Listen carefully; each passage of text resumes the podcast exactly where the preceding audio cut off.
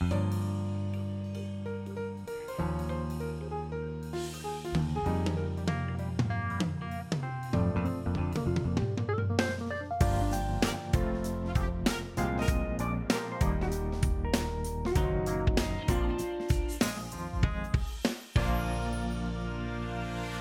22 minuter efter jämn timme, Ylevega och programmet Naturväktarna. Vi är tillbaka!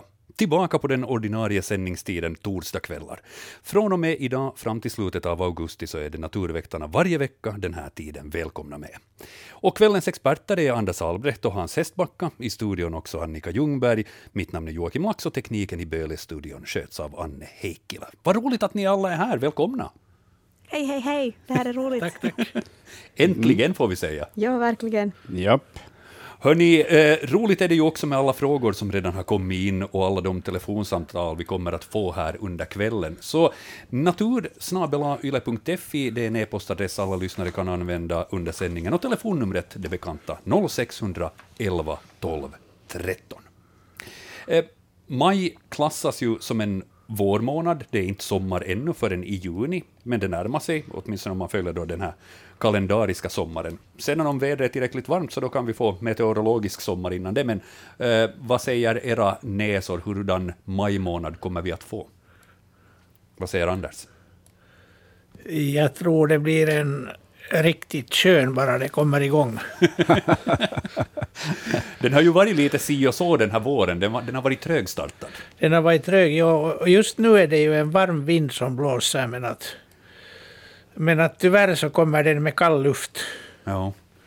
Och det gör att det, varma vindar är inte sköna om inte den luft de hämtar är varm också. Och det kommer, det kommer över kalla havsvidder. Mm. Men det där är ju åtminstone sådär ur, ur människans perspektiv. Men hur är det med, med naturen? Har våren kommit igång ordentligt här och är det tillräckligt varmt?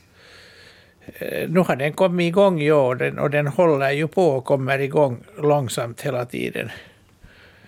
Att, att fågelvärld och sånt kommer ju mera liksom i, i tidtabell, men att växterna har ju stannat av.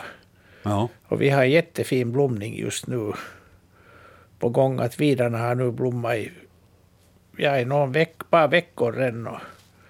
Och, tussilagon och alla nunneörter och sippor. Och, och vitsippan har bara börjat ordentligt ännu. Så att det, det är mycket vår kvar bara det inte kommer en värmebölja och förstör alltihop. Jag tror inte du behöver vara rädd för någon värmebölja, Anders. Antagligen inte när det... Som det ser ut nu så kommer den här kyliga och långsamma våren att fortsätta en stor del av maj. Det kommer, det kommer en glaciär över Finland ännu. Ja, vi får försöka värma upp den så gott det går. Sådär, mm. Men på ett lämpligt sätt, så att inte vi värmer klimat eller någonting sånt, utan mer sådär i sinnet ja. försöker vi hålla oss varma.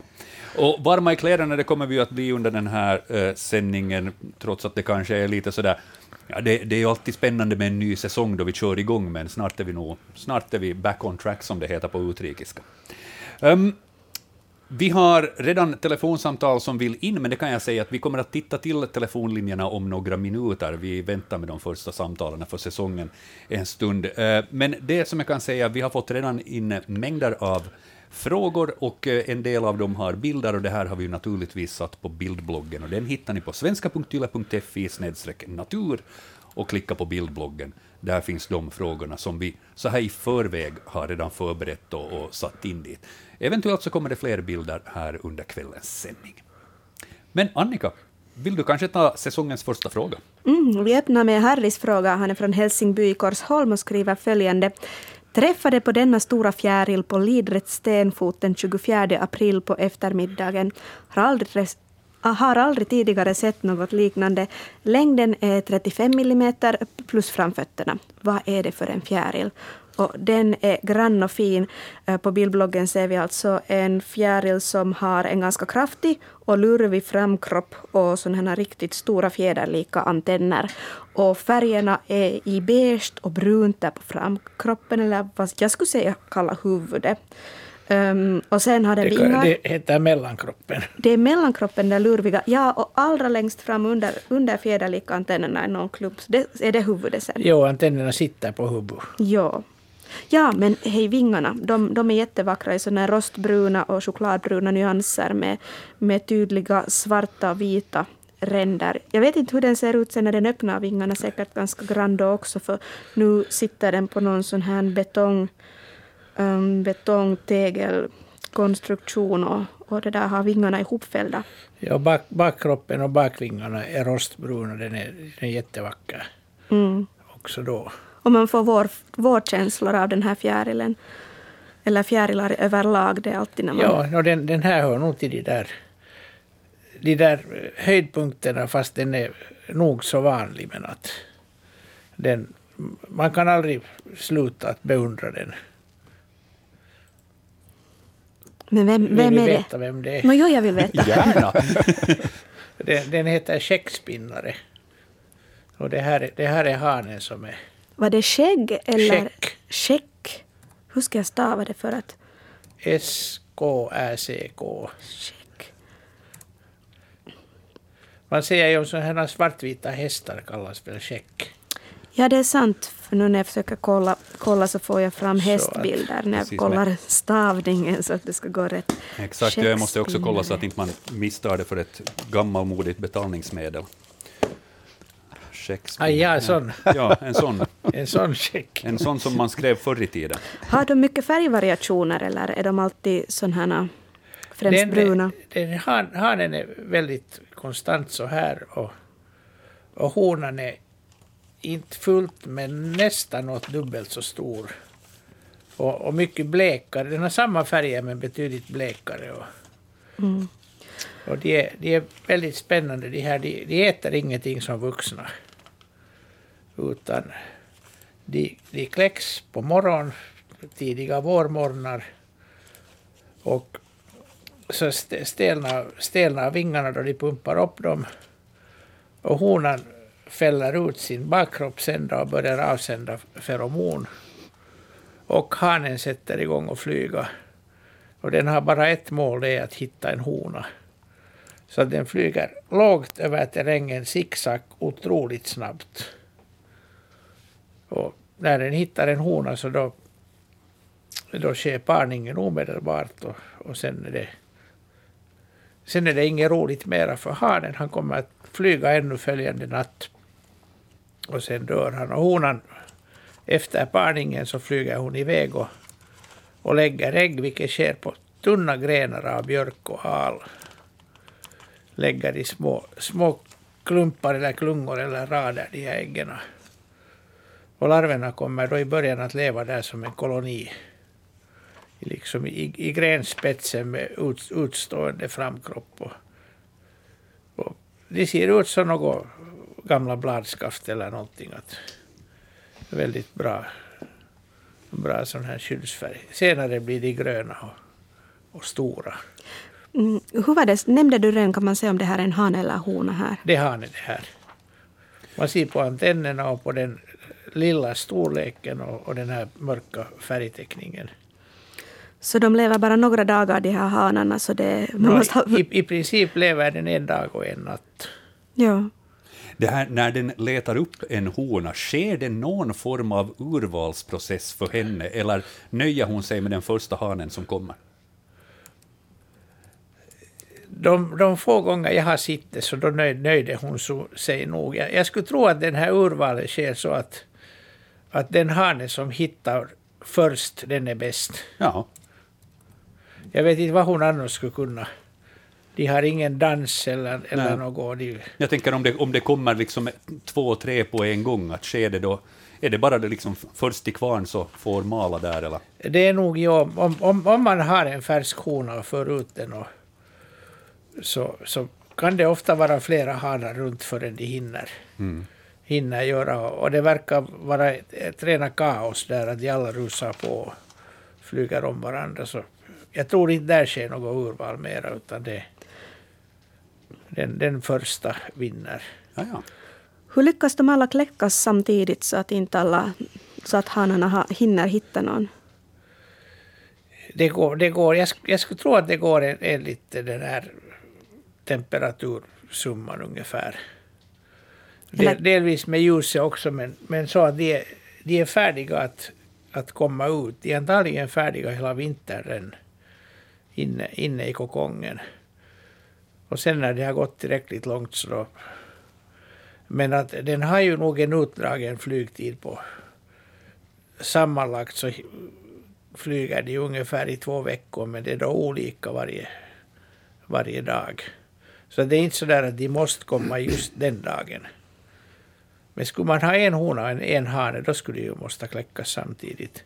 Mm, men det är väl en ganska vanlig art ändå, så det finns tillräckligt för att honor och hanar ska mötas. Det finns, och sen om det blir dåligt väder så då flyger de inte.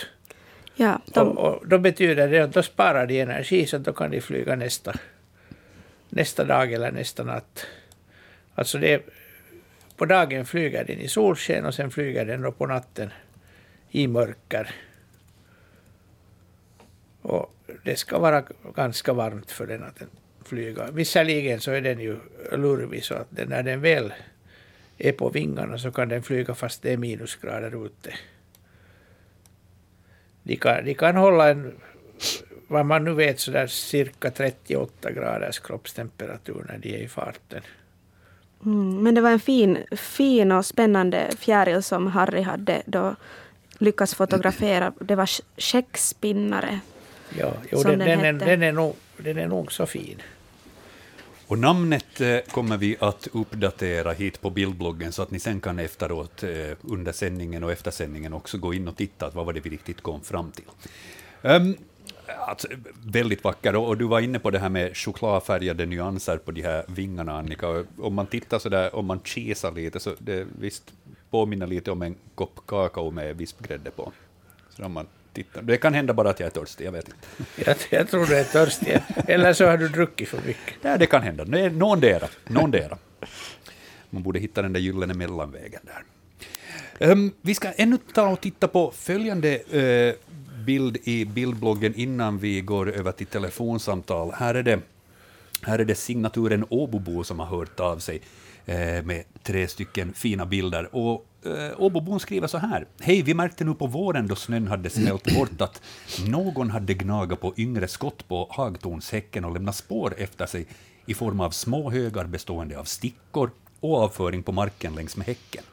Vem har varit på besök? Um, ska vi rikta den här åt Hans, den här frågan?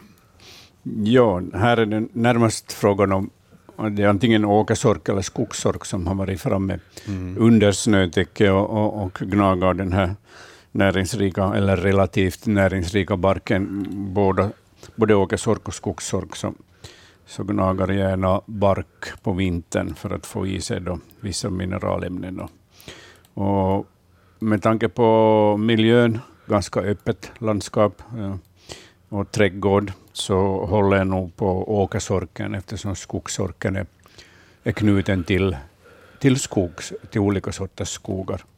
Ja, det, det tror jag också, absolut. Ja, ja. Så det är nog åkersorken som har gnagat på, de här, på den här hagtornshäcken. Man ser ju att, att det här gnagandet har skett just så här, vad ska vi säga, under snönivå. Ja.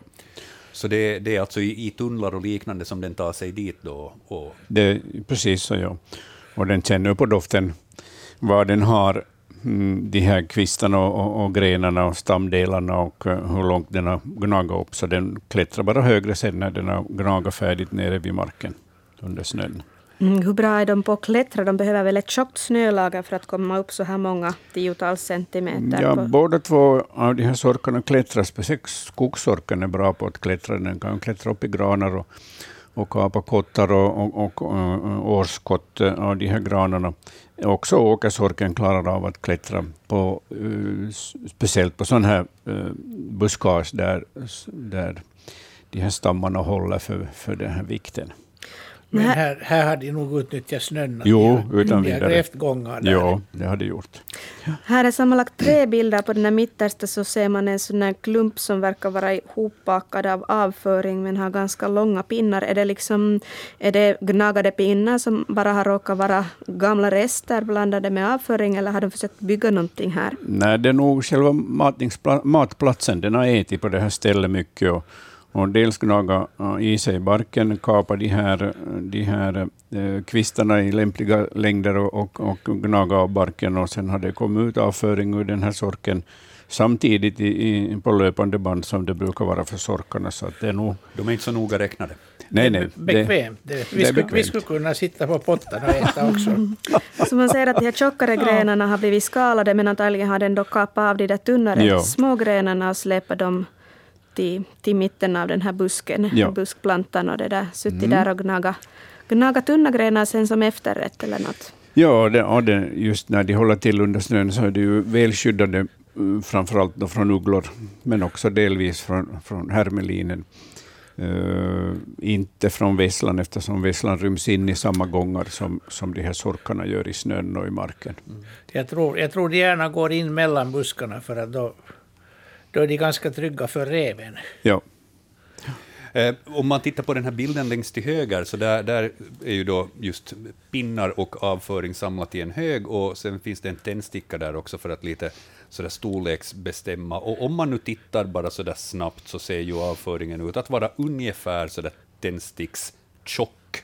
Ja. Eh, eh, hur, hur stor är åkersorken? Det passar bra på den nog. Mm. Uh, ja, vad skulle den kunna vara i längd, åkersorken? 28 centimeter kanske. Ja. ja, du tänkte på sorken, jag tänkte ja. på avföringen. Nej, jag tänkte på sorken, som har producerat detta. jag tänkte när du jämförde med tändstickan, så ja, nej. Hur, hur tjock den är. Ja, ja, ja alltså, på det viset, så tändstickstjockleken och, och avföringstjockleken, så det är ungefär jämförbart. Inte det som ja. är 7-8 centimeter. Ja. Ja, okej. Okay. Ja, åkersorken är ju nog i snitt betydligt större än skogssorken. Mm. Mm, men det är som storlek som riskorn, det där avföringspripplorna som ligger där. Ungefär, ja. Åkersorken är mellan 6 och 12 centimeter lång. Ganska ordentligt tilltagen. Ganska ändå. ordentliga, ja. Och, och uh, skogsorken är något mindre. Just det.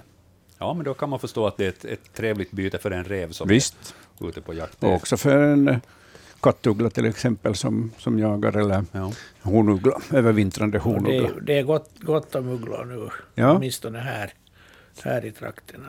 Mm. Då får vi notera åkersork som uh, den som det högst troligt är som har varit i farten här och, och tugga på hagtornshäcken. Um, 0611 12 13, det är telefonnumret man kan ringa ifall det är så att man vill vara med i direktsändning. Just nu ingen som ringer, så ifall det är någon som är snabbt här nu med att trycka på grön lur så kan vi ta säsongens första samtal. Vi ska se om det kommer ett samtal nu. Det gör det inte, så då tycker jag vi går vidare helt enkelt i e-postskörden. Annika? Jo, jag tar nästa fråga som kommer från Lisbeth. Vi har en viltkamera vid vår stuga på Skåldö vi har sett spår vid, bygg, vid bryggan och sen flyttar vi viltkameran för att kolla upp vem det är. Nu har det fastnat ett djur på foto och vi vet inte vad det är. Det är ju fotat på natten. Hoppas ni kan se vad det är för djur fast det är lite dålig bild. Mm, och bilden finns ju att se på vår bildblogg och där ser man på första bilden bara en ljusskugga men då de har flyttat kameran närmare så ser man någon som har stannat upp och nosat på marken och är sån här uh, lång och smal som ett mårtdjur brukar vara ganska stor. Hur stor skulle ni säga att den här är? Ja, kanske en 60 centimeter lång. Oj, ganska stor. Mm. Vem skulle det då kunna vara? En utterhanne. Det kom snabbt. Hur vet du att det är en hanne? ja, just för att den är så stor. Hannen är ju betydligt större än, än honan. Och, och, dessutom är han ensam. Eh, honorna har ofta ungar med sig. Det kan ju också vara en, en stor utterhona, det är ju inte uteslutet. Men en utter i alla fall, det man ser man på den här mm. eh, kraftiga kroppen och framförallt på, på svansen, om man vill skilja den från minken. Så minken har ju en, en ganska rak och, och jämntjock svans som är uh, ullig, medan då eh, uh, utterns svans så är fast och så smalnar den av mot spetsen. Och det här är ju ett uh, vanligt fenomen, fenomen idag i, i skärgården med de allt fler uttrarna som uh, gärna kommer till våra stränder, eller är det vi som har kommit till deras stränder, det kan man ju diskutera. Ja. Men eh, till bryggor kommer de gärna och så brukar de lämna sin avföring under de här bryggorna då som visitkort och revirmarkering och, och gärna dukar de efter fisk, småfisk av olika slag vid de här bryggorna. Och Skålda ligger ju i, just i söder om, om Ekenäs i, ja. i det här skärgården. Finns det mycket utter? Det den har ökat ja, betydligt eh, längs med hela vår kust, både sydkusten och västkusten. Det här var ju en art som var otroligt hårt tillbakaträngd i Östersjön på grund av miljögifterna och jakt, men framförallt miljögifterna. Likadant gick det ju med, med havsörnar och, och sälar. Alla de här tre, eller de här fyra, fem arterna, så är ju då eh, fiskätare och, och, fisken var, mm, hade gifter, PCB och DDT och, och kvicksilver i sig. Och, och eh, de fick ju sin förökning, alltså förmågan att föröka sig för stöd av, den här, av de här miljögifterna. Men sen har ju vårt hav, lyckligtvis Östersjön, har blivit friskare och, och idag så, så har också utten börjat återvända i, på ganska bred front, skulle jag säga, i skärgården. Mm.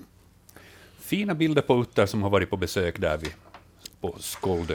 Ja, det här med viltkameror så det är ju ett otroligt intressant kapitel. Ja. Eh, man, alltså på egen tomt får man ju fotografera hur mycket som helst, men man får inte fotografera till exempel ut mot farleder där folk kör med sina båtar eller, eller uh, ut mot vägar där, där folk går och sånt Men in, inne på egen tomt och vid egen strand så får man rigga upp uh, sådana här viltkameror och, och det kommer sådana här trevliga avslöjanden, ja. som den här utan här. Ja. Mm. Plötsligt har man haft lo in på knutarna utan ja. att man har vetat om det tidigare. Visst. Och sånt Ja, ja. Men sätt, sätt inte vid grannens bastu, jag tror inte om Nej, det, det, det lär inte bli populärt.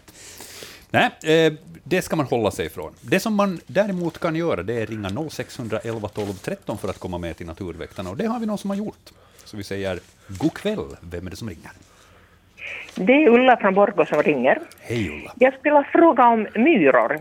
Eh, min syster har en sommarstuga på en liten sån här skogs, eh, vad ska vi säga, en liten skogsplätt där. Och där finns flera eh, myrstackar. Men nu i, är det på våren antagligen, som, jag tror det är spillkråkan som har farit väldigt illa med dem. Och det där, många är riktigt sönder, sönderriven nästan, nästan ner helt. Men det som förundrar mig är en av de här myrstackarna har um, ett lager, nästan man kan säga ett lager av myror som ligger på varandra. Skyddar de varandra för, för kölden eller vad är det, varför gör Jag har aldrig sett någonting liknande. De, de kommer upp och värmer sig nu på våren för att, för att komma igång. Ah, ja, det var det. De li, ligger där och försöker få sol. Och, och för, att, för att få det så måste du försöka kliva upp högst i högen hela ja, tiden. Ja, precis. Det har jag bara aldrig råkat se. Ah, ja. det Just det. Får jag fråga en riktigt kort sak ännu? Ja. Strandsgatan, hur vanlig är den i Borgåtrakten? Jag bor här på Ånäsgatan och men här är ett strandskatepar.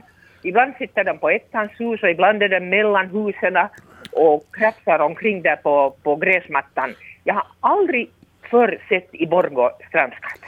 Ja, strandskatan är ju en, en vadarart som, som uh, för det mesta häckar i skärgården. Den hör till skärgårdsfåglarna, men att uh, strandskatan har flyttat in till många städer nu idag, uh, medan jag väntar på att programmet ska börja, så var jag och tittade bland annat på strandskator här i Vasa, där de gick och plockade mask på gräsmattor och sånt där. Så att här i Vasa är de väl etablerade och häckar på höghustak. Vi brukar ha en här på radions tak i Vasa som ja. vi brukar följa från fönstret. Ja, ja. vi har här i Böle också. Ja. Så att eh, också i Borgo har de etablerat sig i staden och, och brukar, brukar klara sig relativt bra med sin häckning. Det är faktiskt första gången jag har sett ja. Borgå mm, ja. Just. Det här var det som jag ville fråga. Hördu, tack tusen för tack. Tack för Hej. dina frågor. Ha en skön kväll. Hej då. Hej. Ja. Nu upplever jag på något vis att vi har öppnat säsongen så där riktigt på riktigt, för vi har haft vårt första samtal också för kvällen. Mm. Vad roligt.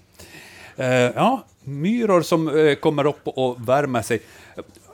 Kommer jag ihåg fel? Det kanske jag gör, för det brukar jag göra. Men är det någonting sånt att myrorna kommer upp och värmer sig och sen så när de går ner i myrstacken så har de lite värme med sig? Nu, nu har de ju det, det kan inte hjälpas att de har lite värme med, värme med sig. Så. Men att de på det viset hjälper till att få liv i stacken igen? Nu, nu hjälper de till och de, de öppnar ju också gångarna då så att det blir ventilation och får vint, vintern ut. Att de är ju, det kan vara ganska så kallt där nere i under regionerna. Det är, vi ser ju bara toppen av isbergen när vi ser isstackarna. Det, ja. det, själva staden ligger där djupt under. Kan det vara helt liksom sådär i tjäle så att säga? De, de vill nog ha tjälfritt. Ja. Och, och egentligen är det väl ganska mycket därför som de bygger den här stacken också för att den, den håller temperaturen jämn nivå. Att den, den kallnar inte så mycket till vintern och sen, sen kan de använda stacken som ventilation. Mm. Så att det inte blir hett. De, de, de, kan justera med att öppna och stänga gångar och få det att dra igenom. För en sån där stack i ett solbelyst skogshörn, skogskant, så den kan ju bli väldigt het. Och det passar inte heller myrorna. Men mm. de, de är väldigt skickliga nog på att reglera sin temperatur. Tänkte ju säga det, de är kluriga de där små rackarna. De är, de är nog på, mång, på många sätt, ja. Ja, um, då har vi haft eh, det samtalet, inga samtal nu som väntar, så vi kan gå vidare i e-postkörden och titta. Hur är det Annika, vilken är vi framme vid nu? Det är den fjärde bilden. Det är mm. Guy som har skickat in en bild på en fågel. Mm, såg fågeln under fågelbrädet och i Vanda är det sävsparv. Trodde vara, Borde vara allmän, men har aldrig sett tidigare. Samma dag den 7 fjärde besöktes brädet av en stare. Lyckades inte fota den. Det är länge sedan jag sett en stare överhuvudtaget. Förr var starflockarna vanliga på hösten. Men eh, bilden då som Gui har skickat in syns på vår bildblogg, men jag ska ta och beskriva lite vad vi har där. Det är mycket grått och brunt och, och sånt här, men, men det är inte en sån här riktigt, riktigt eh, enfärgat gråbrun, utan den har ett mörkt huvud och ett halsband som är vitt. Och jag tror att den kanske har en vit fläck där mitt bland det svarta bakom ögat. Och kanske stiger det där vita halsbandet liksom upp upp där vid hakan också. Men resten av kroppen verkar vara ganska så gråbrun, spräcklig. En, en liten kompis är det. Jag ser inte hur kraftig näbben är på den här, men, men låter det som sävsparv det här? Ja, det här är en sävsparv, en hanne. Och, och, just den här, det här vita halsbandet så är typiskt för, för sävsparvshannen och det svarta huvudet. Och, och sen har den en vit kindfläck som finns eh, snett nedanför ögat som eh, nästan går fast i det här vita halsbandet. För övrigt så har den en otroligt fin färgsättning på ryggen i olika bruna nyanser. Och, och eh, buken är grå med, med eh, lodrätstrimning. Det här är en, en, en, en, eh, art som är mycket vanlig i Finland. Den häckar eh, både vid sjöstränder och havsstränder på många, många ställen i, i, vårt land. Och, och den föredrar då eh, stränder som är rikligt bevuxna med vide och vass. Det är dens favoritbiotop.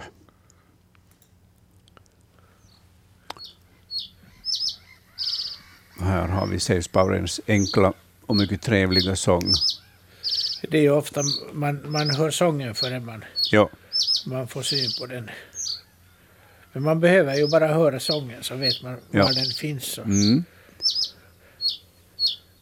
Och har man hört den sjunga en gång vid en strand den här tiden på året så vet man att den, har, den är bofast vid det här stället. Ja. Skrattmåsar hörs i bakgrunden, det är en fågelsjö eller, en uh, fågelvik. Mm. En väldigt distinkt ljud har den. Mm. Ja, jag tycker det är en sympatisk sång, speciellt i april månad när, när solen lyser på och gassar och, och isen börjar smälta, så där, då är det här en härlig sång att lyssna till. Ja, jag, jag får också antagligen samma stämning som du mm. berättar. Ja. Jag tar det en gång till, det var så fint.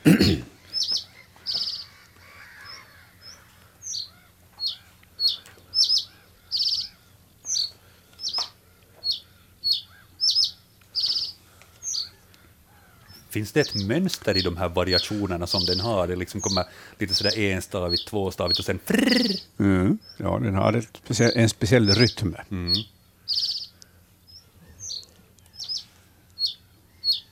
Ah, trevligt. Sävsparv alltså. Ja, sävsparven.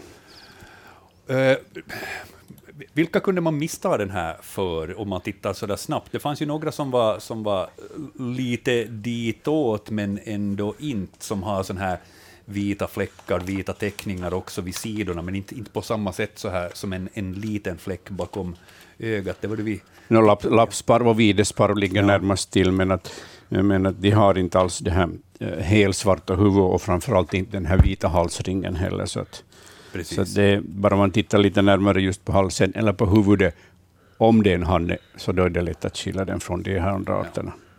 Då är det liksom väldigt entydigt och ja. klart att, mm. att det är sävsparv. Ja. Trevligt. Ja. Um, vi tar följande bild, bild nummer fem i bildbloggen. Här är det eh, Sandra i Saltvik som har skrivit Hej, vi har fått en ny hyresgäst under vintern, som verkar bli kvar ett tag. Söt är den, men problemet är att stockarna är ruttna och jag hade tänkt göra om blomlandet, då det är främst eh, kirskål som växer där. Kommer den att flytta till skogs nu när matserveringen upphört, eller är den här för att stanna? Den lever farligt nu när katten vill vara ute igen. Bilderna är tagna första maj, och jag tror att det är den större skogsmusen jag har att göra med. Vi ska ta och titta på den här bilden först. Um, innan vi säger ifall det är större skogsmus. Um, för då man tittar snabbt så ser man, okej, okay, en ganska kraftig svans, upplever jag. Nu har jag bara tagit den här ena bilden av de tre som hon hade skickat in. För här kunde man se den här svansen. De två övriga, så där tittar bara den här lilla krabaten upp mellan stockarna. Eh, men ganska kraftig svans, så vid en snabb anblick så kanske man tänker, ho, råtta. Men eh, om det här då är en skogsmus, och då är en större skogsmus, vad är det som skiljer de här två åt? Den större skogsmusen så har ju, är, det, är ju vit eh, på halsen och på, på magen, och också fötterna. Och här ser man ju att, att den här är, det här är en gnagare med ljus eller vit buk och, och vit bröste. Mm. Sen har ju uh, skogsmusen ett stort öga i förhållande till huvudet. Råttan har ett betydligt mindre öga i förhållande till huvudet, så nu, nu är det här en större skogsmus nog. Ja. ja, för de är väldigt stora, de här ögonen. Ja. Ty tycker du det? Jag tycker, jag tycker det. det. Ty tycker du det är en råtta? Jag tycker det är en råtta. Ah, ja. Mm. Mm, Okej, okay. no, men nu, nu, nu, får, nu får vi verkligen börja bena ut vad det är som skiljer annat. Då. Um, hittar vi några uh, andra kännetecken på antingen då råtta eller skogsmus, om vi tittar på till exempel uh, längden på benen eller om vi tittar på storleken på öronen? Öronen är ju, är ju större på skogsmusen. Och, och sen, jag tycker den här svansen är alldeles för tjock för en skogsmus. Ja. Mm.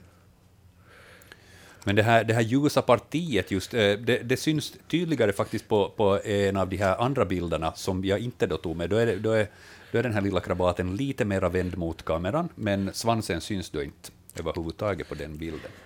Är det, är det typiskt för...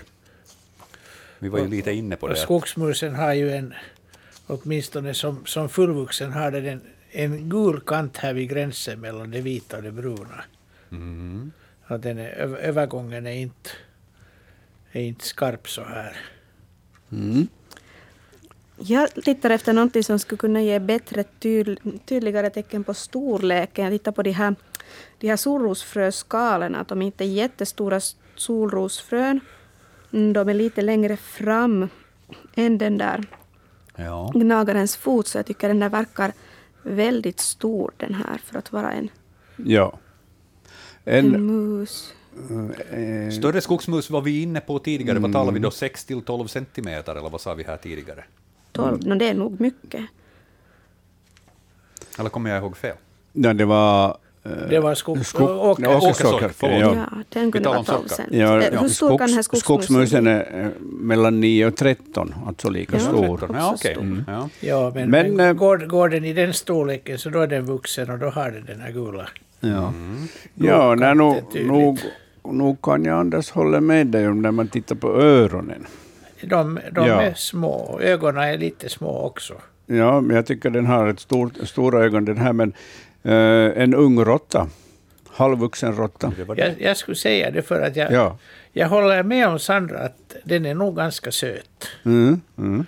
Och en, och en vuxen, stor, äcklig råtta är inte söt.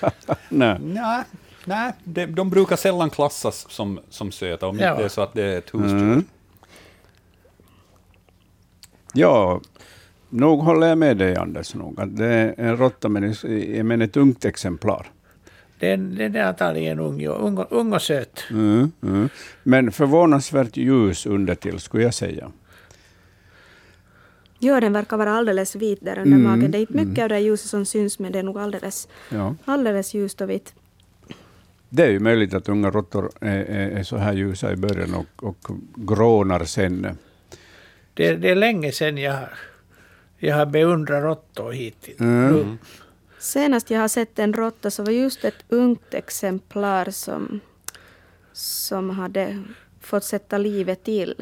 Så det Jag tittar här på nog- nätet lite, Mm, mm. på bilder. De, de, har, de, de är nog ljusa under. Ja, Och sen finns det sådana här som är vitfläckiga och jo. sådana här roliga som folk har som husdjur. Ja, husdjursråttor, de kan ju ha alla, Ja. alla världens färger. Det är sådana har jag haft mera kontakt med. Men Men, men ni upplever alltså att ögonen på det här exemplaret som vi har på bild, att de är ändå ganska små? För att jag upplevde att de här var väldigt stora jämfört med bilder på råttor Jag, som jag, jag tyck, jag tycker de är ganska små. Okej. Jag tycker det är ganska stora för att vara en råtta, men, att, Mm. men eh, eh, okej, en ung råtta. Mm, Huvudet växer ju på den här individen ännu. Det gör det. ja, det blir jättespännande diskussioner. Just när det är ungdjur så blir det, blir det ofta lite klurigt. Och än mer spännande blir det ju då man börjar fundera, vad kommer Sandra att göra nu då?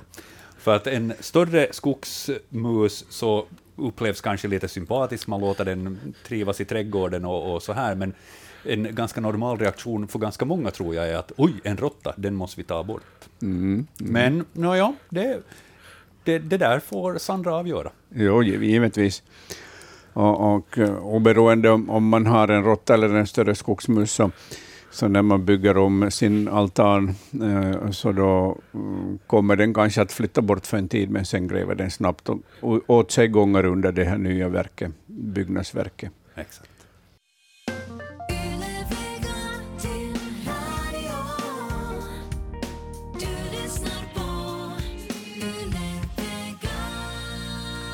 Vi har alltså säsongspremiär för Naturväktarna torsdagskvällar den här kvällen. Och eh, det betyder att varje torsdag ända fram till slutet av augusti så är det Naturväktarna ni kan lyssna på den här tiden på Yle Vega.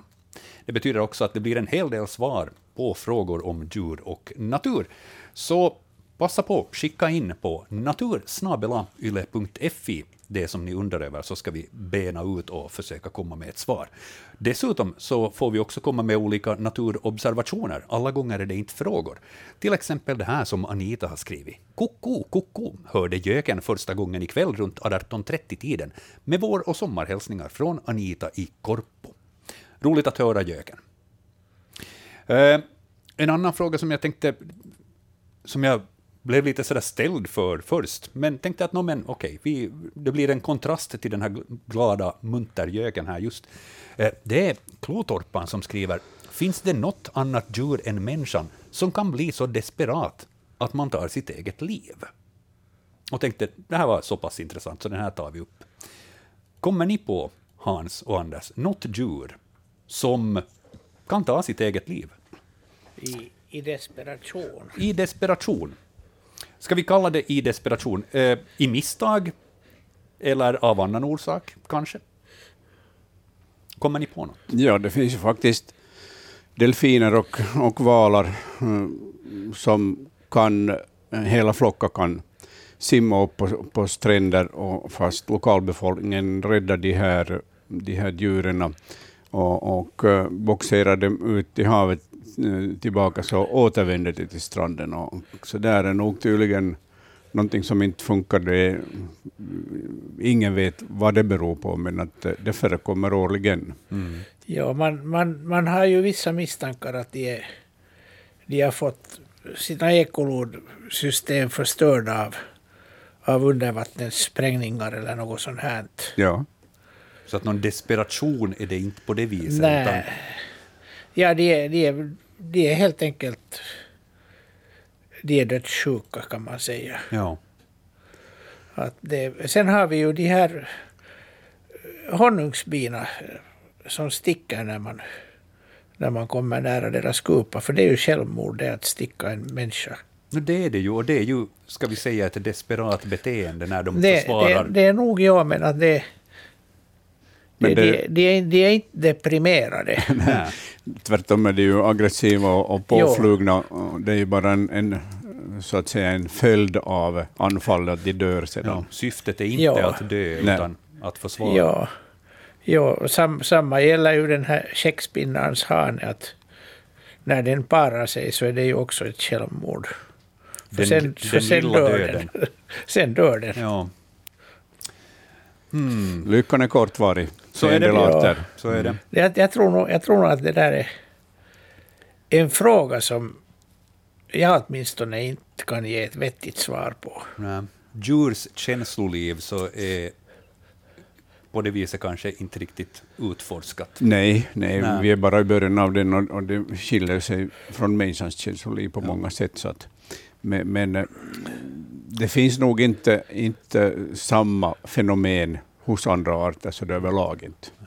Faran är väl det att, att man ganska lätt tittar på djur med ett sånt här disnifierat öga, så att man, man läser in känslor hos djur som människor kanske har, men som djuren inte nödvändigtvis upplever. Ja, men, men stress finns hos djuren.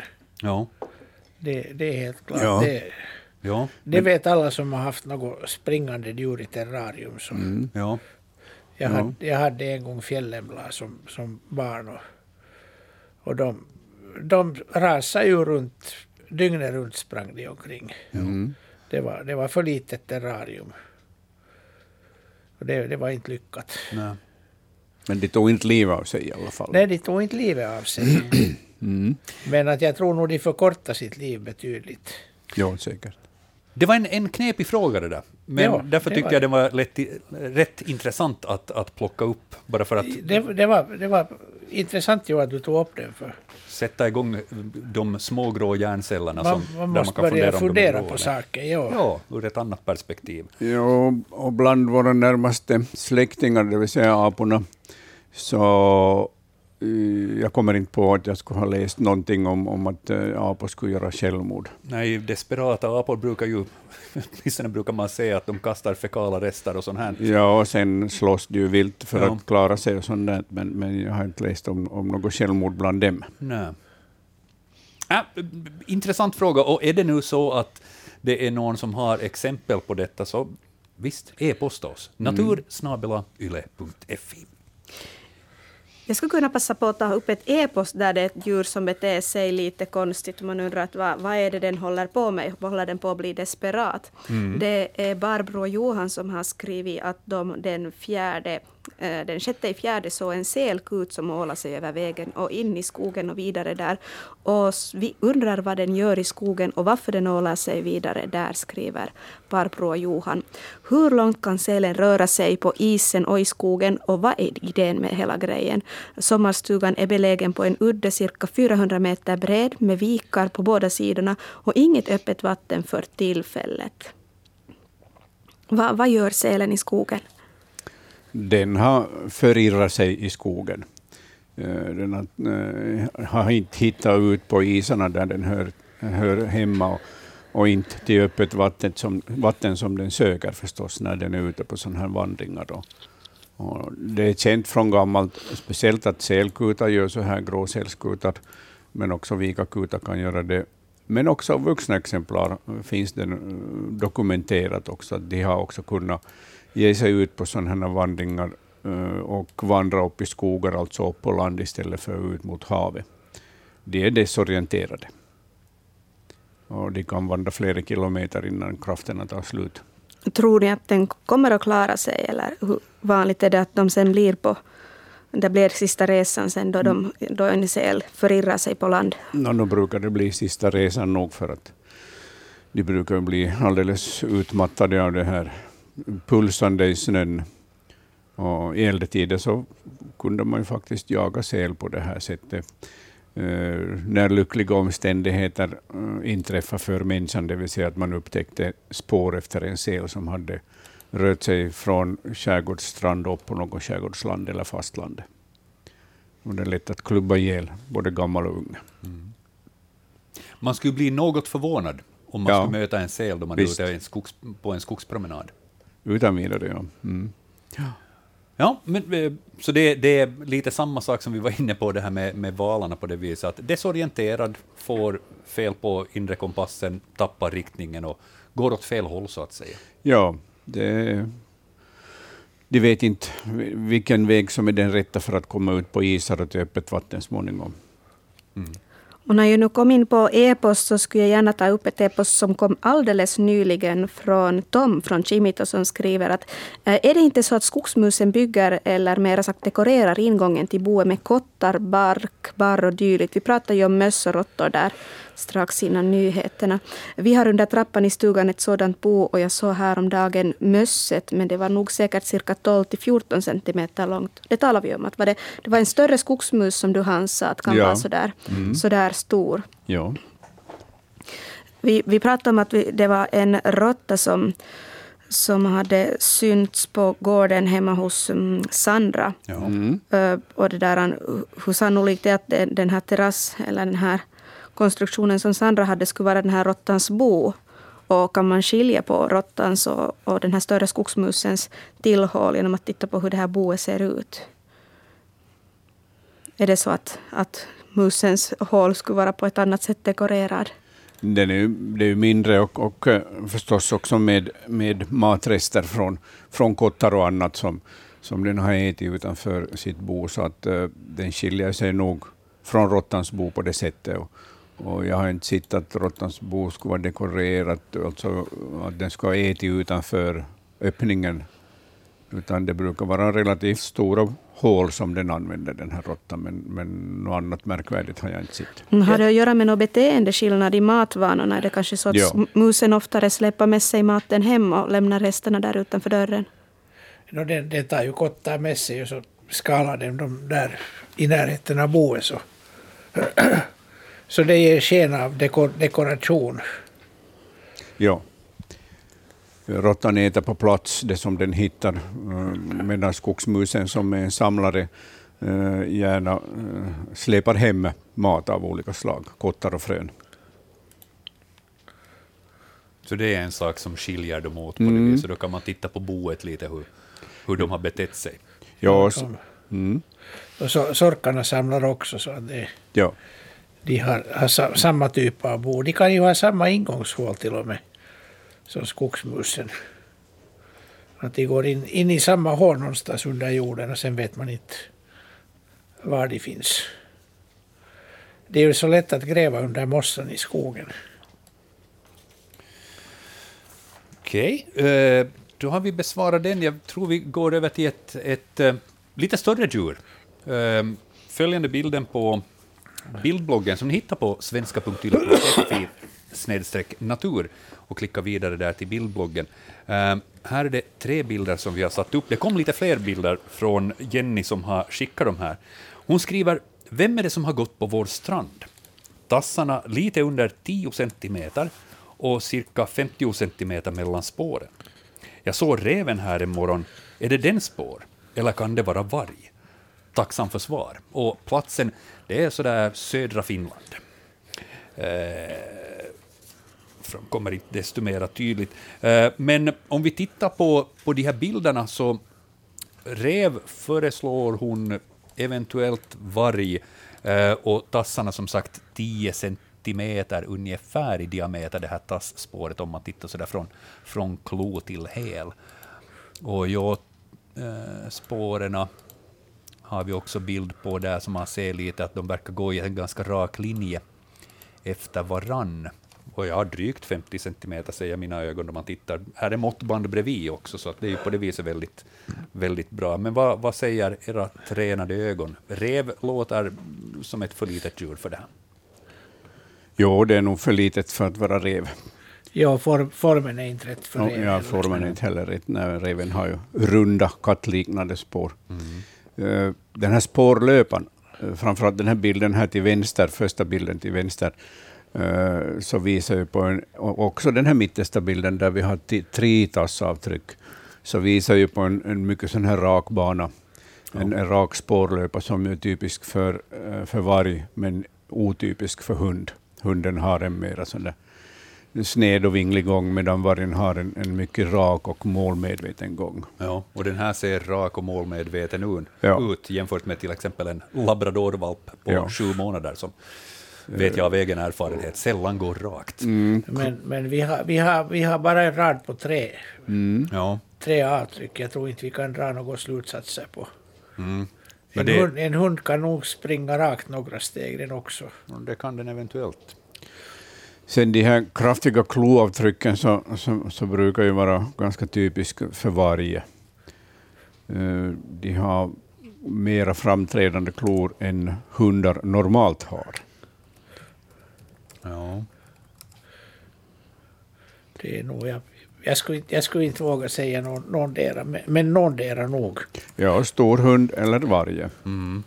Eh, Jag lutar åt varg på grund av den här spårlöpans eh, form.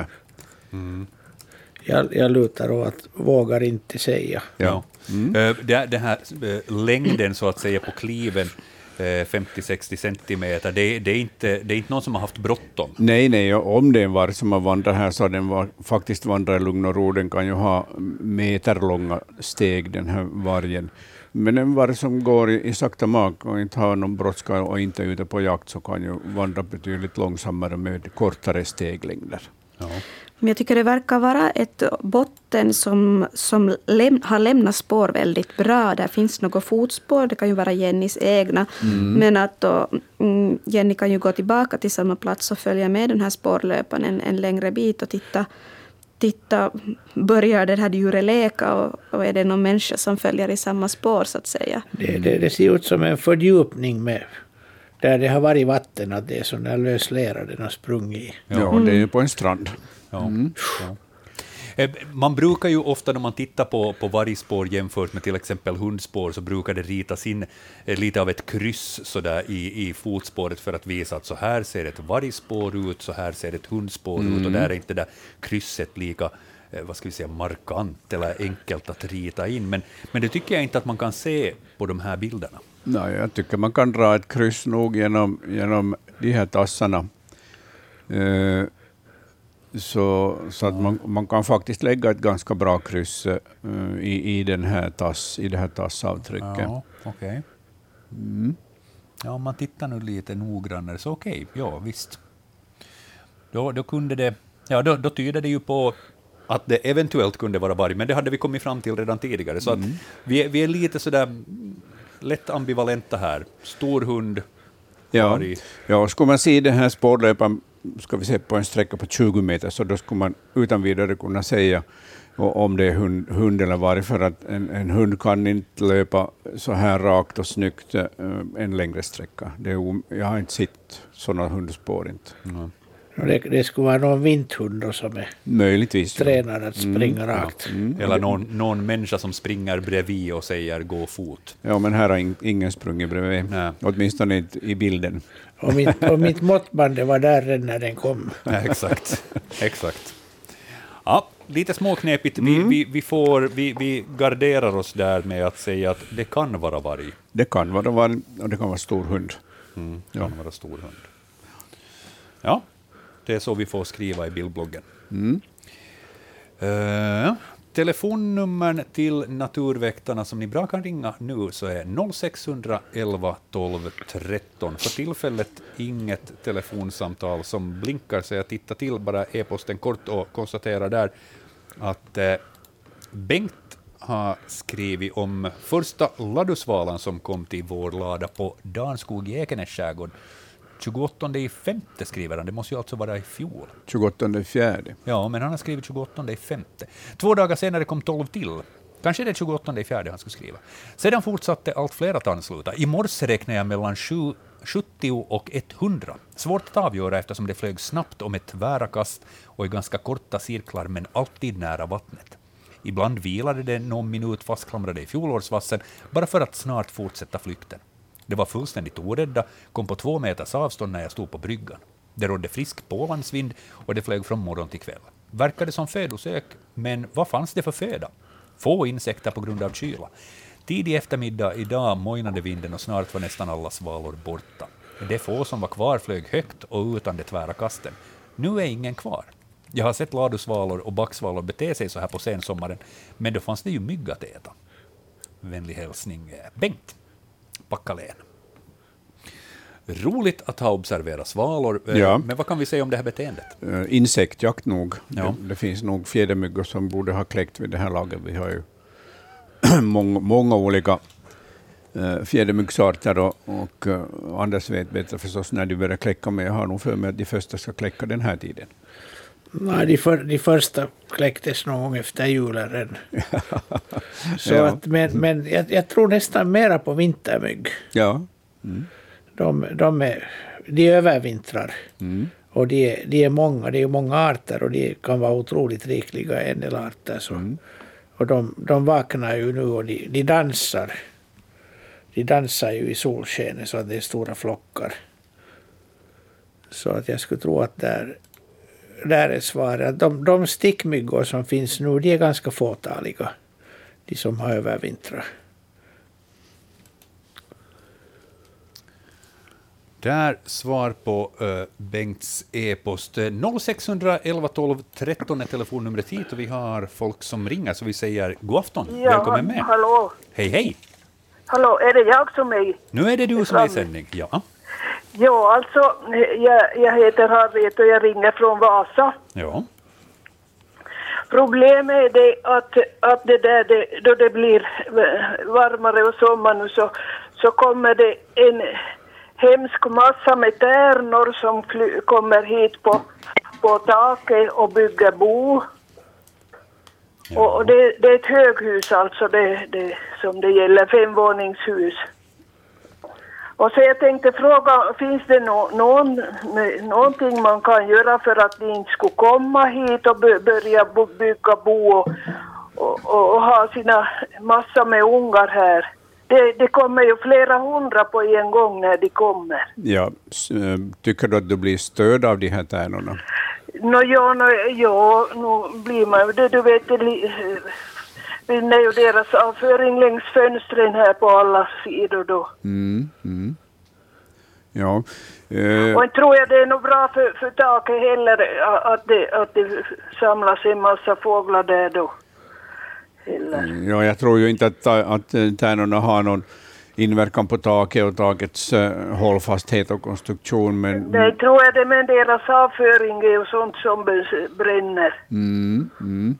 Ja, ja, alltså när eh, till exempel tärnor och måsar har slagit sig ner på ett ställe och börjar häcka så får man ju inte störa dem, utan eh, det är ju förstås husbolaget som ska avgöra hur de ska göra med, med de här tärnorna. Jag förstår ju, ni är, ni är flera som, det är flera, Jo. flera bostäder där.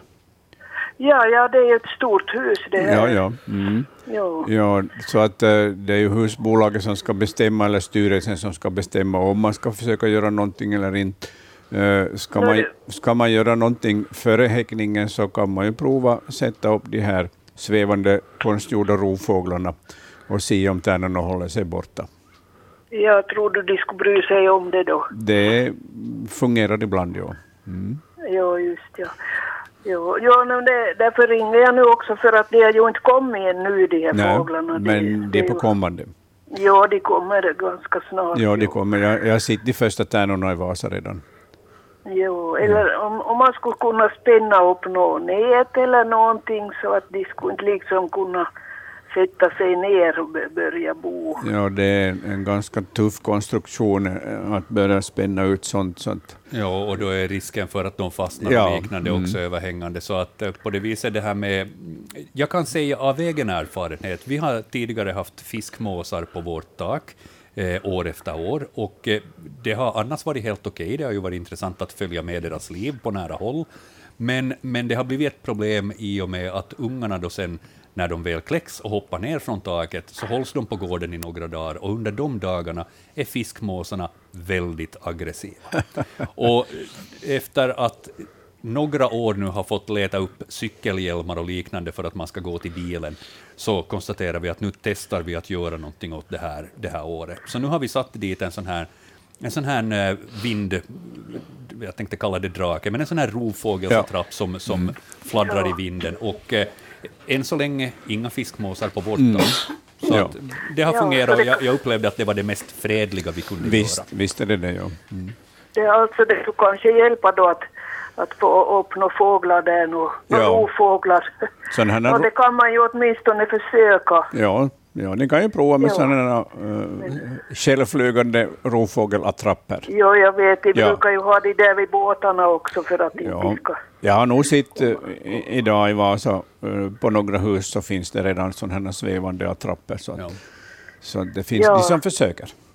Ja. Nå, det, vi, vi kan försöka med det och får väl hitta på något annat om det inte hjälper. Mm. Det, du är ju hästbackat, jag känner dig på rösten. Ja, ja. Mm. Ja, nu hör du, jag tänkte bara tacka dig för alla fina foton och bilder som vi får i Vasabladet. Du tar ju så väldigt fina foton. Mm. Tackar, tackar. Ja, det är så roligt. Man, fast man är ingen konstnär så får man riktigt lust att börja måla tavlor när man ser det. Det är så fina. Ja, det är bara till måla. Det är bara att Ja. måla på. Mm, Hördu, bra, tusen, tack tusen tack för ditt samtal. Ha en skön kväll.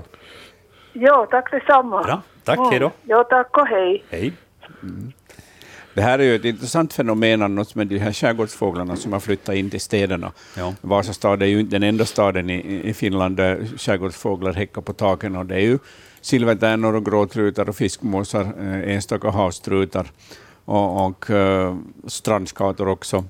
Och, och de har faktiskt lärt sig att, att det är tryggt och säkert att häcka på de här flata höghustaken där det inte finns mink, inte mårdhund och inte rev och inte katter och inte hundar. Så de undviker alla fyrfota fiender. Ganska trygg plats nog. Ganska faktiskt. trygg plats och de brukar ha en ganska bra ungproduktion. Ja. Ja, men eh, det, det, det som vi nu gjorde med den här rovfågelstrappen, så det, det upplevde jag som ett ganska fredligt sätt att säga eh, nu får ni flytta på er, Mm, utan att desto mer göra någon större inverkan i deras liv. Och jag misstänker att de helt enkelt har flyttat till grannarna. Så att, Ja, Ja, Men annars så måste vi påpeka, eller bör vi påpeka att, att alla de här fåglarna är fridlysta och man får inte förstöra deras bon och inte deras ägg eller ungar. nej, I det skede som de har satt sig ner och börjat bygga bo, så Ja. då, då är det fredat område Ja. helt enkelt. Mycket bra. Det är trevligt att eh, få in det där samtalet också. Tack för det, Harriet. Eh, vi tittar vidare i e-posthögen. Eh, Annika, vilken är vi framme vid? Ja, säg det. Jag höll på att jobba redan med, med att få in lite reservfrågor om vi Ja. bör, börjar hinna behandla allting här Ja. under sändningens gång. Men hörru, vi tar Monikas bild. Mm. På vandring i Repovesi i fjol i början av juni såg vi mängder av sådana här ihoprullade björklöv på marken. Vad har förorsakat detta? Inga synliga småkryp inuti dem. Och den här finns på bildbloggen, den näst sista bilden. Och där ser vi, som Yvonne skrev, ihoprullade. Och det ser verkligen ut som någon skulle ha använt lim. De är så täta sådana här strutar som är lite snävare i nedre ändan och så öppnar den sig lite uppåt. Så det är nog inte bara så att den har torkat, rullat ihop sig eller någonting. Det verkar nog som någon har varit och- och byggt strutar. Men vem kan ha gjort? Det, det har de gjort. Ja, det, det är inte lim utan det är faktiskt spunna. Med någon väv, spindelväv? Nå, man kan säga att så det, det, det är så kallade rullvivlar, det är skalbaggar som gör det. Och det, det vi inte kan se på det här är att de gör först vid basen av, av bladet från vardera sidan ett snitt in till, in till nerven. Så att det är lätt att rulla därifrån. Och så spinner de ihop lite i gången tills de får en, en rulle. Och så lägger de ett ägg inne i rullen och så biter de av den så den faller till marken. Och larven lever i den här torkande bladrullen sen. Och de här, den här björkrullviven är, är jättevanlig. Man kan se små björkar som är alldeles fulla av de här. Jag tittar just att rullvivlar finns det många, men är det just eh, en viss art, du sa björkrullvivel? Ja, jag tror det, den heter Deporaus betuli. Det, är- det är den vanligaste på. Och den är just på björkgör, de här. Och den, den rullar alltså ihop de här löven medan de ännu är fast på, på kvistarna. Jo, Mm. Deporatus betulae skulle det vara. Deporaus, ja. Ja. Deporaus. Ja, det är svårt att uttala vetenskapliga namn, men björkrullvivel Ja. säger den. Eller svart björkrullvivel säger ett nätfynd att det skulle heta. ja. Men det finns, det finns några andra arter, men de har inte Kanske, de har inte lika vackra strutar som den här. Den, den gör de snyggaste rullarna av alla. Ja, det är jättefina rullar.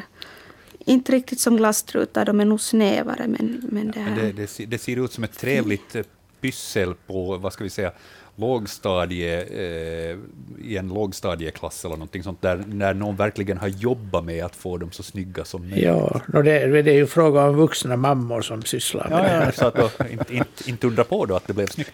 Nej, men, alltså, men, men de brukar alltså vara hoprullade eh, redan medan de är på grenen. Jag tycker mig ha sett sådana här och Jo. har då bara misstagit mig för att jaha, nej, men det är lite torkat så det har dragit ihop De, sig. de, kan, de kan hänga ganska länge där och de inte, inte, hinner, inte hinner de alltid bit, bita ner dem alla så att de kan bli länge där och sen faller de ner till hösten. Och, men att det, avsikten är att de ska vattentillförseln ska strypas så att de så att säga de, de, vad det nu heter när man gör cigarrer av tobaksblad, det är ungefär samma idé. Att det, Man, man ru- rullar ihop helt enkelt. rullar ihop och, och, sen, och sen, sen torkar de sådär nätt ut, utan att ruttna. Och, och de förlorar ju inte klorofyllet så de är gröna. Mm. De blir inte gula som höstlöv. Monica skriver här att inga synliga småkryp inuti dem, men, men du sa att det, det, fin, det ska finnas en larv där alltså? Det finns i det, i det här skedet så, så brukar det finnas ett ägg. Ja. Ett litet, litet gult ägg. Och det ser man inte med blotta ögat, inte, inte på den här lilla arten. Nähä. På de, de större, större arterna av rullvivel så kan man nog se det med blotta ögat. Ägget. Det är därför som Monica inte har sett någonting med andra ord. Hon har inte riktigt vetat vad man ska leta efter. Ja, man, smått. man ska nog ta förstoring, gärna ett mikroskop när man rullar upp det. Så hittar man nog. Ja, vi talar den storleksklassen riktigt. Jo, Björkrullvivel. du kan tänka dig att om, om, om djur är tre, tre millimeter långt så, så blir inte ägget så jättestort. Nej, det, det blir nog inte hur man än försöker. Ja, den här var intressant. Eh, man får spana lite noggrannare nu när man ser hoprullade löv och inte bara liksom tro att jaha, det har varit torrt och fallit ner eller någonting sånt. Ja. Utan det är, Sen, det, det kan ju vara fjärilslarver också och stekelarver och andra som gör det. Men då, då hittar man en larv inne och så hittar man avföring och spinntrådar. Och, men de här är, väldigt nätt, nättgjorda och ingen avföring i. Och, och alla precis likadana. Björkrullvivel noterar vi för den. Um, bland de övriga e-posterna som vi har fått in här innan sändning som har kommit utan bild så, så fanns här en som jag tänkte vi kan ta och titta på också. Uh, det är Hans, inte Hästbacka, som har skrivit Är det någon skillnad på råka och svartkråka? Råkan finns ju här i Österbotten, men hur är det med svartkråkan? Finns den här eller är det fråga om samma fågel? Det varierar lite i fågelböckerna. Vad säger Hans åt Hans? Ja, det här uh, råkan häckar ju bland annat i Vasa. Eh, det är en stor kråkfågel, något större än kråkan. Har en, en blå, blåsvart glänsande fjäderdräkt.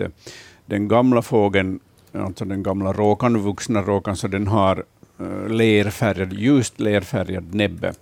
Och, och där är alla de här de här dunerna bortslitna kring näbbroten därför att den bökar mycket i marken. Den äter mycket mask bland annat nu som bäst som matar de sina ungar med maskar. Eh, det är en helt skild art. Sen finns det då kråkan, eh, dels den gråa som vi har i våra trakter och, som är, är, är typisk för, för Norden och eh, östra, eh, östra delen av, av Europa. Medan den svarta kråkan, som är, samma art men en annan färg, den är helt enkelt svart. Så den, eh, den häckar i, i, i Västeuropa, eh, Danmark, Tyskland, Belgien, Holland, eh, Frankrike, Spanien, Portugal och England. Så den svarta kråkan har ett mindre utbredningsområde, men den är kännsprak och karaktäristisk i de här områdena. Medan den gråa varianten då är den typiska kråkan hos oss. Det som, det som lite råddar till det är att, att råkan heter mustavaris på finska Mm. och svartkråkan heter nokivaris. Mm. Så att mustavaris är inte svartkråka. Vilket man skulle tro när man, om man är språkkunnig. Ja.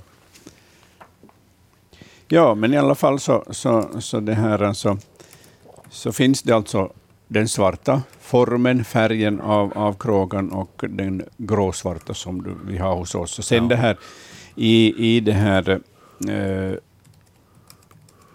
gränsområdet mellan de här två färgraserna, färgvarianterna, så finns det då förstås korsningsprodukter av, de här, av den svarta varianten och den gråa.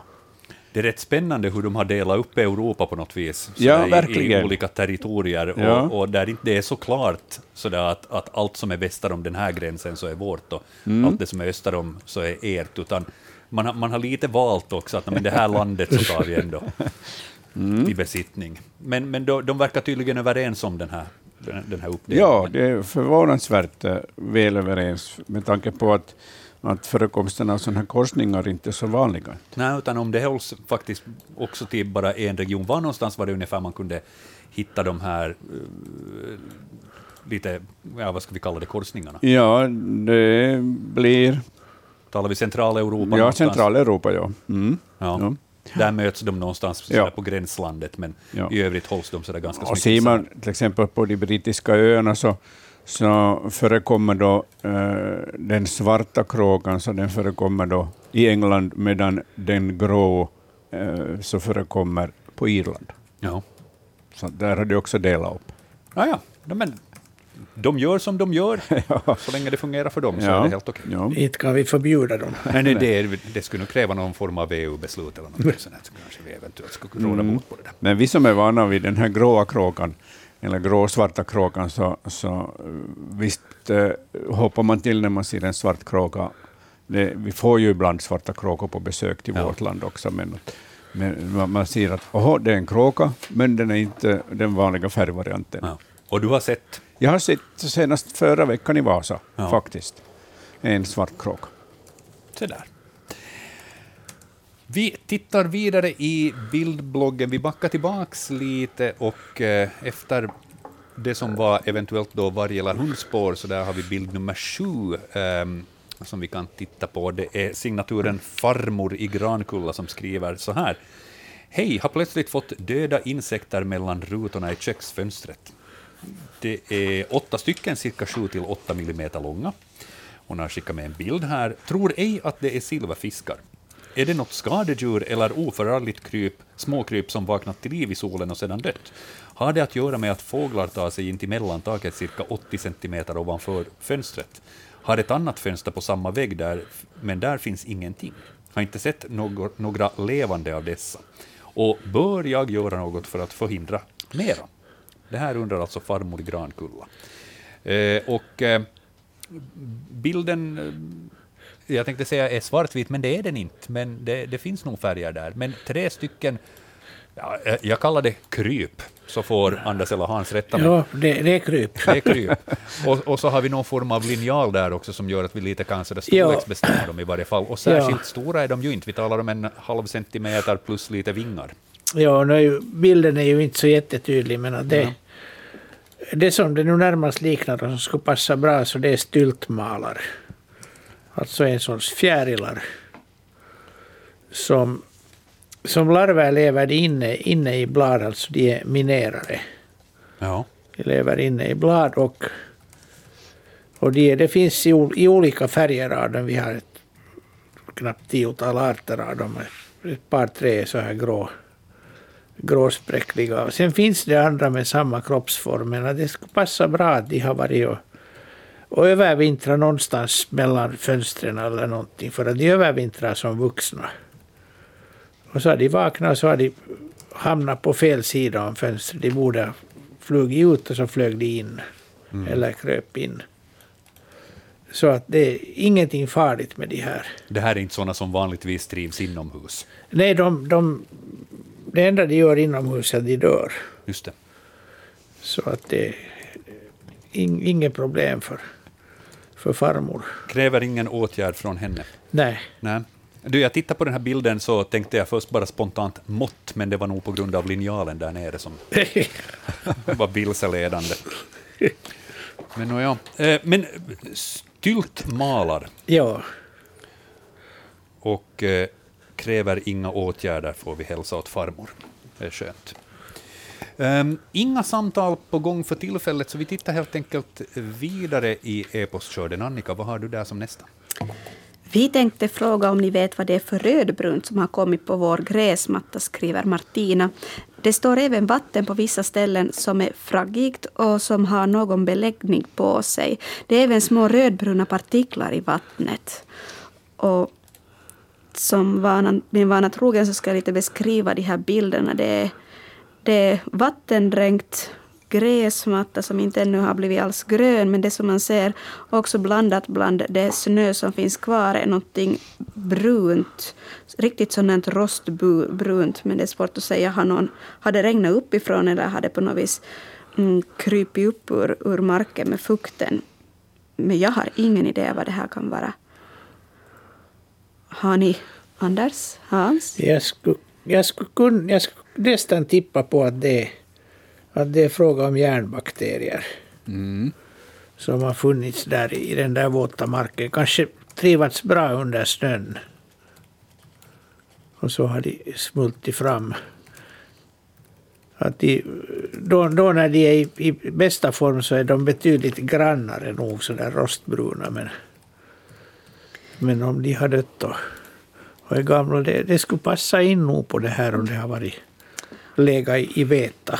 Mm, Bilder är alltid svåra, man vet inte hur kraftigt de här färgerna liksom åter, återställs i bild alltid. Men jag kom att tänka på att man ser ofta sådana här riktigt rostbruna diken. Är det då fråga om samma sak? Det är fråga om samma sak, ja. Och är, är det så att de bara råkar vara rostfärgade eller är det på riktigt något, något järn, molek, järnmolekyler Det, det är järn, som de... Då, det är järn, järn de. Men hur, hur får bakterierna den här färgen att, att komma fram? Vad är det de gör med järnet? Antagligen oxiderar de det. Ja, ja, de gör så att de gör rost av Ja, det av järn järn. som finns, Ja. finns tillgängligt. Men man ska inte sätta sin bil där. Följande morgon så har man en rostklump. Men det, det, alltså det, det är en tippning bara. Det borde man ju titta i mikroskop förstås på den här smörjan. Skulle, man, eh, skulle det där vattnet där smaka sådär metalliskt järn? Det smakar lite det ja. Ja, ja kanske metalliskt ja, men det, det har en sån där speciell smak. Det, det kan vem som helst prova på om den går i diket och plockar upp lite av det där. Att det, det är en järnsmak, det har nog. Ja. Man ska inte äta större mängder av det. Jag vet inte om det är hälsosamt. Eh, nej, tro, trots att man har kanske järnbrist, men det, det finns andra saker man kan äta då Ja, istället, ja. som rekommenderas, bättre för magen. Okej. eh, man skulle bli lätt förvånad kan jag säga, ifall man skulle snubbla över det där, för att eh, det där har inte kommit framför mina fötter i varje fall tidigare. Det är ganska vanligt tycker jag. Ja, det kan hända. Det kan hända. Jag tycker jag i våras såg också ett dike som var väldigt rostbrunt. Så. Ja, det, det är ofta sådana här vid stränder under alarna så kan det vara väldigt mycket. Jo, jag tycker det är alar som växer där vid diket. Ja, Jag det är nog en gångväg. jag borde röra mig i diken lite oftare, inser du, man, man, ska, man kan gärna krypa eller åla sig så då upptäcker man sådana saker. beror på vem som sköter klädtvätten hemma. Så är det. Ja, okej, okay, men då, då, då har vi svar på det. Uh, vi ska titta. Ja, ingen som ringer, mig. jag kan säga 0611 12 13 är telefonnumret ifall man vill komma i kontakt med Naturväktarna den här kvällen. Vi har ja, 14 minuter sändningstid, så vi har tid nog med ett eller max två telefonsamtal ännu den här kvällen. 0611 12 13 ifall det är så att ni vill ringa oss i direktsändning. I övrigt så tittar vi vidare på de frågor som vi har fått in här tidigare, för att vi har några ännu. Ja, det är en bild som har kommit in tidigare. Jag tittade i postlådan, vilken jag inte har varit till på en god stund, och hittade ett brev som, som nu har väntat en liten stund. Men nu ska Ola få svar på sin, sin fråga. Vi har fått in två fotografier och, och på baksidan så har Ola Ola skrivit undrar vad detta är för en fågel som flög i fönsterrutan den första i tionde och lämnade på rygg. Tog i den och drog den i nacken, satte den på denna stolsits som syns på bilden. Eh, fågeln satte där några timmar, sket på stolen och flög iväg. Kan det vara gråsparv eller pilfink unge? Nu lever vi i oktober och jag tycker den är så där lurvig och söt som, som en unge skulle kunna vara. Mm, väldigt kraftig näbb, det säger också mycket om arten. Och, och sen nu diverse färger på vingändarna glänser så där fint i blå, blåsvart och sen har den en vit övergump vill jag minnas att den här delen av, av rumpan kallas och, och mörka stjärtfjädrar också. Jag kan ge de här bilderna till Anders. Ja. Jag Ja, ska se, jag ska Ja, men jag hann sätta upp dem på bildbloggen också, de här bilderna som Ola... tele, telepatera. Jag tycker, jag tycker det ser ut som domherrar. Vad säger Hans? Ja, det är eh, ung fågel av domherre som, som har flugit i fönstret. Och, och det typiska för domherren är ju den här vita övergumpen. Och, och att det är en domherre så ser man också på, de här, på den här eh, korta, breda näbben. Domherren eh, har ju en, en kort och mycket bred näbbe. Eh, att det är en ung fågel så sy, syns på att huvudet inte är svart som, som de gamla fåglarna har, utan det är mörkt grått. Eh, och, men eh, vingfärgen eh, är den rätta, sån här eh, blåglänsande färg. Så att en, en ung fågel av domherren. Har de unga så sent som i oktober? De kan, ju, ha- de kan ju häcka två gånger eh, per sommar, de här domherrarna, så jag skulle tippa på att det här är då en, en unge från den andra senare häckningen. Mm. Nu passar jag på att be er, be er Anders och Hans och, och ni som råkar ha bildbloggen öppen att uppdatera eller gå på nytt in på bildbloggssidan för jag har satt in två, två extra bilder. Vi har varit så effektiva idag så vi hinner med något som, som inte var uppe på bildbloggen från, från början. Mm, men, Vi, vi, vi, kan, vi kan titta lite närmare på den, vi har ett samtal som väntar. Så Oj, vad roligt. Vi, vi, vi tar det här emellan och så tittar vi vidare på de uppdaterade frågorna. Vi får säga god afton, vem är det som ringer? Hallå, hallå? Hallå? Ja, hallå, nu är det din tur. Ja, det är Kurtas själv från Pargas. Hejsan. Det där, jag har funderingar kring or ortolansparven som börjar så småningom komma söderifrån. Och eh, den har ju avtagit, eller minskat väldigt våldsamt. Jag kommer ihåg i barnaben uppe i sommarstugan i Barsmo så vimlade av den på åkrarna. Dagens läge så får man verkligen söka för att hitta det. Och det vet jag att man har ju länge skyllt på fransmännen att man de finaste restaurangerna får äta or- ortolansparv. Eh, men jag har hört en annan teori om att våra ortolansparvar kommer inte via Frankrike utan österut. Vems matbord hamnar de på?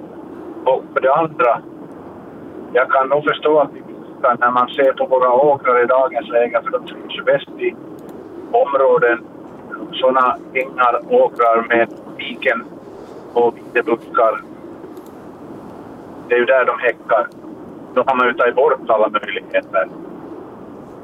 Hur ser ni på den saken? Ja, framförallt är det ju deras häckningsmiljö som har försämrats eftersom de öppna dikena har försvunnit, videbuskagen har försvunnit. Eh, man odlar ensidiga grödor och, besprutar dem mot eh, ogräs, ibland mot bladlöss och sånt där. Så att, eh, förutsättningarna, de naturliga förutsättningarna för ortolansparven så har ju försämrats oerhört mycket under de 30 senaste åren. Det är under den tiden som ortolansparven har minskat kraftigt i vårt land och, och är en hotad art idag.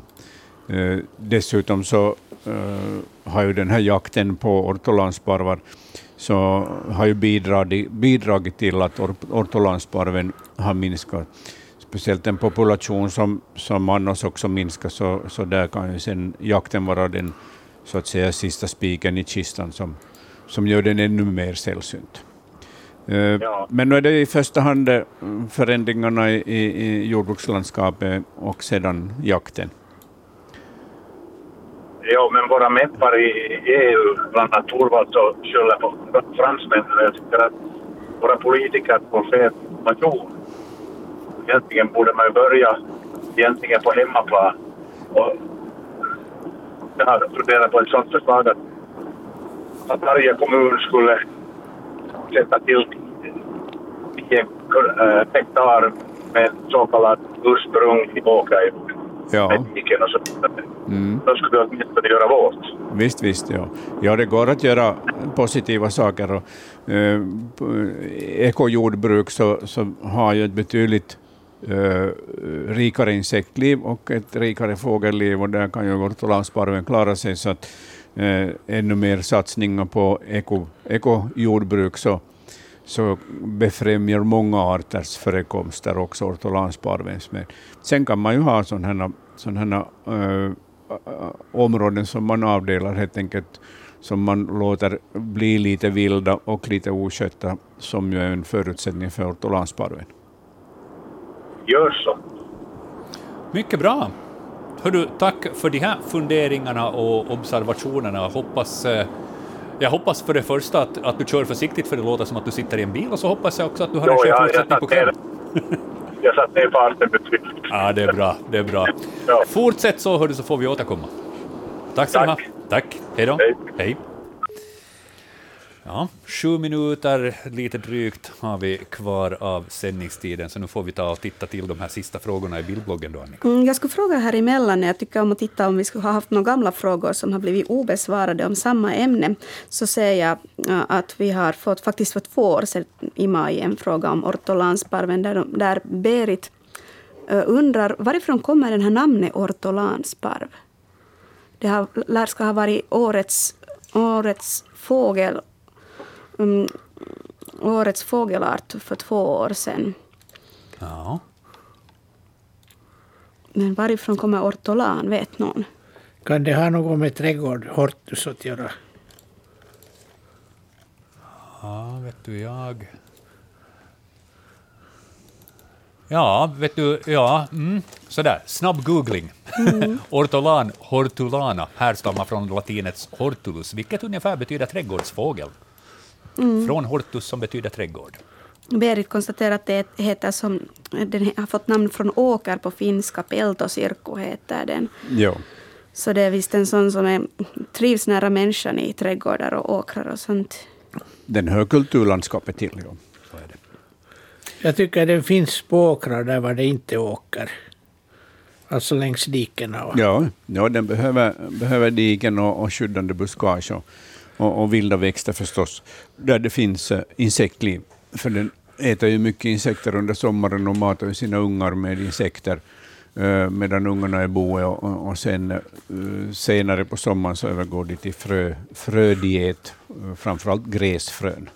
jag, jag saknar den nog väldigt mycket. Mm, ja, det, man får vara glad när man hör den på, på de få ställen där man kan få höra den idag.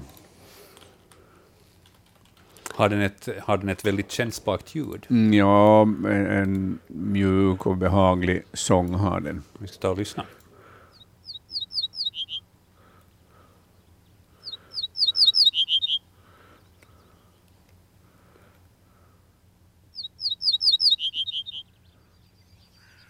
Enkel och kort. Ja, Mm. Kännsprak. Med fina nyanser i den där Ja. sången.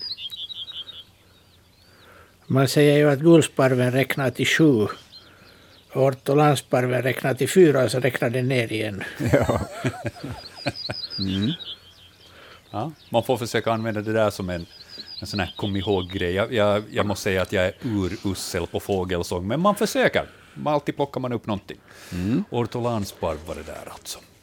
Jag fick ett sånt fånigt leende på, på ansiktet när jag lyssnade på den där. Man blir riktigt lycklig, lycklig av att höra det där. Uh, vi ska titta ännu till uh, följande fråga i, i bildbloggen innan vi börjar avrunda och knyta ihop säcken här. Bernt skriver, Hej naturväktarna! Tog den bifogade bilden i Punkaharju förra sommaren. Fågeln på bilden verkar vara en bofink, men den gröna färgen gör mig tveksam. Så frågan lyder helt enkelt, är det en bofink? Och är den här individen grönare än normalt? Det här hälsar Bernt, skickar vår hälsningar dessutom. Ehm, och eh, Det är en bofink, en bofinkshanne, eh, som har lite mer grönt än normalt på, på ryggen. Eh, det, alltså den ska ha en del grönt i sin fjäderdräkt på, på bakkroppen, men eh, det här är ett exemplar som har mer än normalt, skulle jag säga. Det finns ju alltid en variation eh, hos, eh, hos det här, eh, bofinken och andra fåglar i, i den här fjäderdräkten, färgsättningen det sträcker liksom lite ut sig sådär från, från ryggen, nästan ut mot Mm. vingarna här. Ja. Men, men i övrigt så är... är Den, alltså den är ju en, en så att säga normal bofinkshanne, så, så är ju grön på övergumpen. ja. Och, och det syns ju när den flyger. Den här har fått grönt också på ryggen, och, och, så den har mera grönt än normalt. Men inte på det viset exceptionellt ändå att det sker Nej, sådana det, det är avvikelser, inte en skild ras. Det finns Nej. ju, det finns ju bofinksraser som, som skiljer sig ganska mycket i färgsättningen från vår bofinksras. Men, att, men eh, nu skulle jag säga att det här faller inom den naturliga variationen. Jag får alltid rysningar då jag hör ordet bofink nämnas. Det här går tillbaka till min barndom, för då fick jag, ifall man gjorde något hyss, så fick man höra av föräldrarna, nu får du passa dig, annars kommer bofinken att ta dig. eh, och så för mig så blev det här bofinken någonting väldigt skrämmande, diffust och någonting man skulle passa sig för. Men nu när man ser bofinken på bild så kan jag ju säga att om det var det där de hotade mig med, så okej. jag var lätt lurad på den Ja. tiden. Men nåväl. Bofinken eh, hade Bernt skickat in och eh, vi får helt enkelt bara kryssa av den. Ehm, jag ska ta riktigt kort här innan vi knyter ihop säcken så ska jag eh, kommentera en sak, så, eller det är Christian Lindén egentligen som kommenterar en sak som vi nämnde tidigare här i sändning och det var om dessa eh, självmordsbeteenden hos djur. Här är att sluta liksom på rätt ton, men nåja. Ehm, lyssna som bäst på Naturväktarna och kom att tänka på en självupplevd händelse ute i Äggskär i Borgå skärgård på 90-talet. Eh, jag jobbade då på Borgå landskommuns idrottskansli som fiskerikonsulent. Och på övervakningsrunda till vattnet runt Äggskär så passade jag på att tillika inspektera öarna. När jag körde in mellan Söderholmen och Mellanholmen såg jag en ejderunge som blivit efter sin flock samtidigt som trutarna försökte fånga den. Jag hann plocka upp ungen förrän trutarna fick tag i den och börja föra den närmare sina släktingar, men medan ungen låg i båten försökte den flera gånger själv vrida nacken ur led. Som tur var hann jag upp de andra ejdarna och kunde släppa ut ungen till frihet i tid, innan den lyckades med självmordet och tillräckligt nära de andra ejdrarna, så den såg dem och simmade till dem. På tal om det där desperata beteendet som vi fick en fråga om tidigare. Intressant eh, eh, upplevelse som Christian delar med sig av. Vi får spinna vidare och, och tar gärna emot fler kommentarer angående det här till Naturväktarna på e-postadressen natursnabelayle.fi. Ni får också gärna höra av er med vanlig post, då är adressen Naturväktarna, Ylevega, postbox 12 00024 Yle. Det är de vägarna som ni kan höra av er.